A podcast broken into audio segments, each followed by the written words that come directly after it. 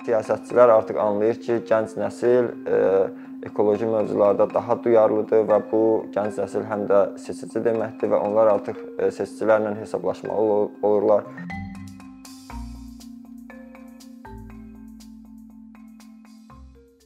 Son illər ekoaktivizm e, bütün dünyada yayılıb, səs-küy salmağı bacarıb və belə deyək, daha çox ölkələrdə özünü göstərməyə başlayır və bunun əsas səbəbi təkcə ekoaktivizmin inkişafı, belə deyək, təbiəti mühafizə təşkilatlarının güclənməsi ilə izah edilə bilməz. Bu həm də ekoloji problemlərin daha da dərinləşməsi və insanların gündəlik həyatda bunu hiss etməsi ilə əlaqədardır. Həm də məktəblərdə və universitetlərdə ekoloji mövzular və təbiət elmləri daha dərindən və daha geniş belə deyək keçilir və digər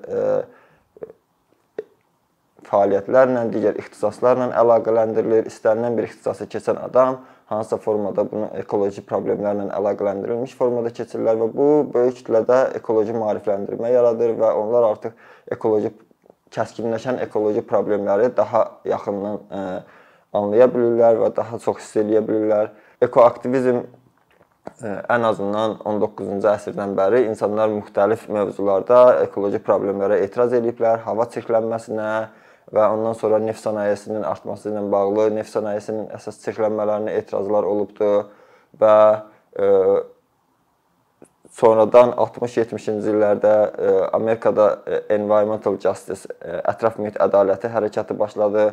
Onlar isə ekoloji problemlərin müxtəlif qruplara müxtəlif cür təsir etməsini və bu təsirin belə deyək də ədalətli olmamasını qabartmağa çalışırdılar ki, ekoloji çirklənməyə səbəb olan layihələr daha çox kasıbların yaşadığı ərazilərdə baş verir və buna sonradan irqi ölçülər qatıldı, sonradan buna cinsi ölçülər qatıldı və sonradan nəsillər arası yanaşma özünü göstərdi və bu belə environmental justice hərəkatı ekoaktivizmin əsas istiqamətlərindən birinə çevrildi.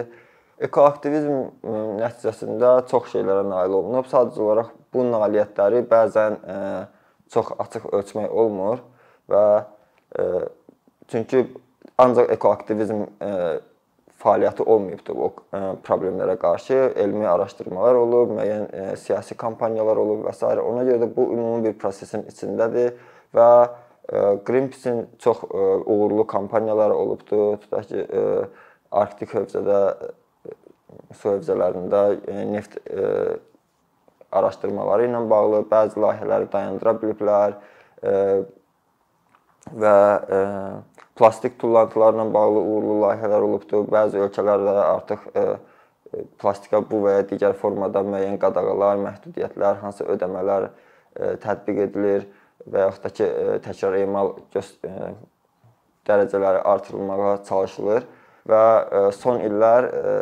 E, gənclərin başlatdığı, məktəblilərin başlatdığı e, e, hərəkat var.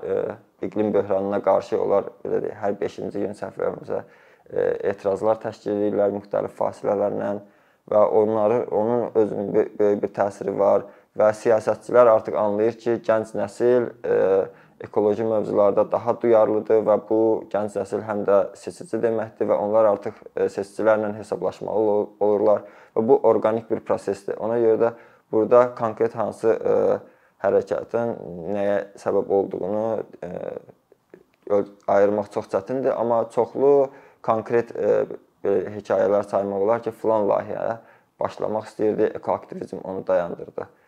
Amma ə, bir dənə də məsələ var ki, ə, Bəzən e, ekoaktivizm özü məsələn müəyyən yerli formada uğur əldə eləsə belə, bu qlobal bir uğura çevrilə bilmir.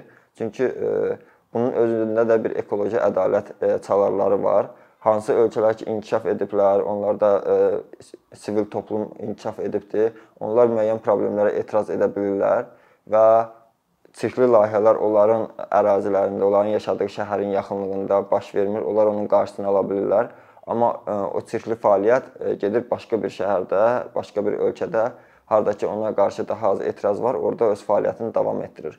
Ona görə də ekoaktivizmdə bir qədər ə, e, daha qlobal yanaşıb ümumi ə, kampaniyalar aparmaq daha effektiv olar. Təbii ki, heç kəsi qınamaq olmaz ki, sən niyə öz şəhərinin yaxınlığında sirkli fəaliyyətə etiraz edirsən.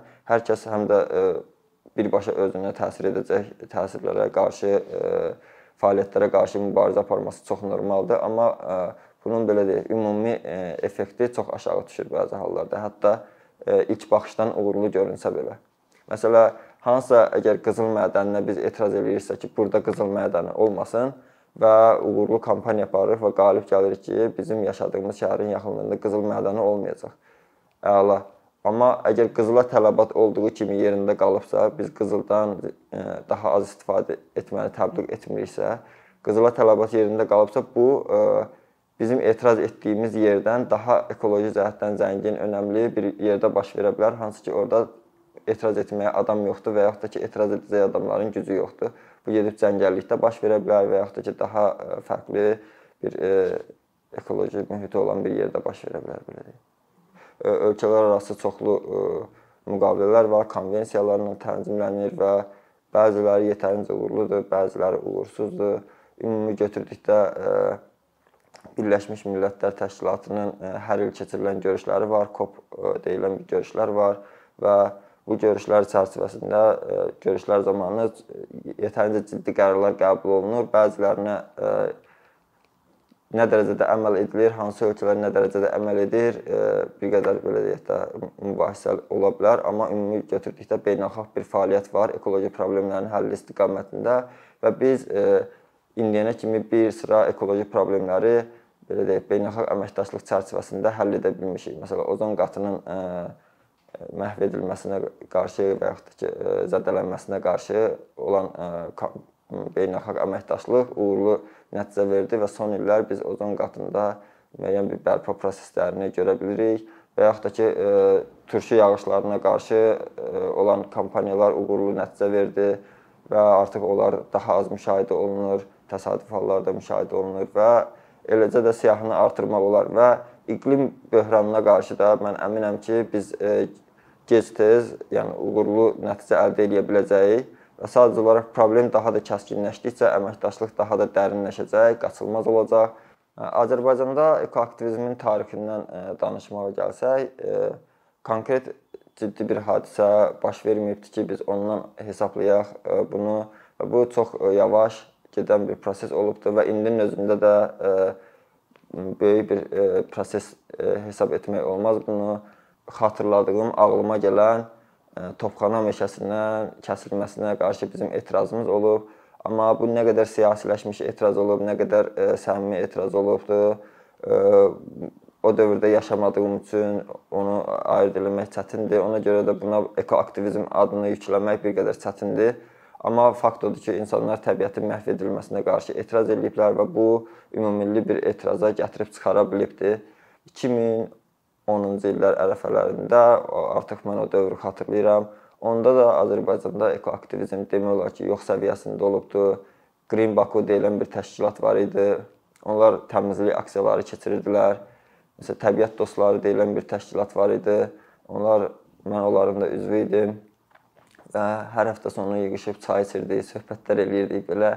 Amma heç vaxt onları inandırmaq olmurdu ki, biz hansısa ekoloji problemə etiraz eləməliyik və bu təşkilatlar indi də mövcuddurlar. Onlar fəaliyyətlərini daha da belə deyək də yavaşladıblar və faktiki olaraq onlar heç bir ekoloji problemə etiraz eləmirlər. Mövcuddurlar, hansısa təbliğat aparırlar, amma bunu ekoaktivizm adlandırmaq olmaz.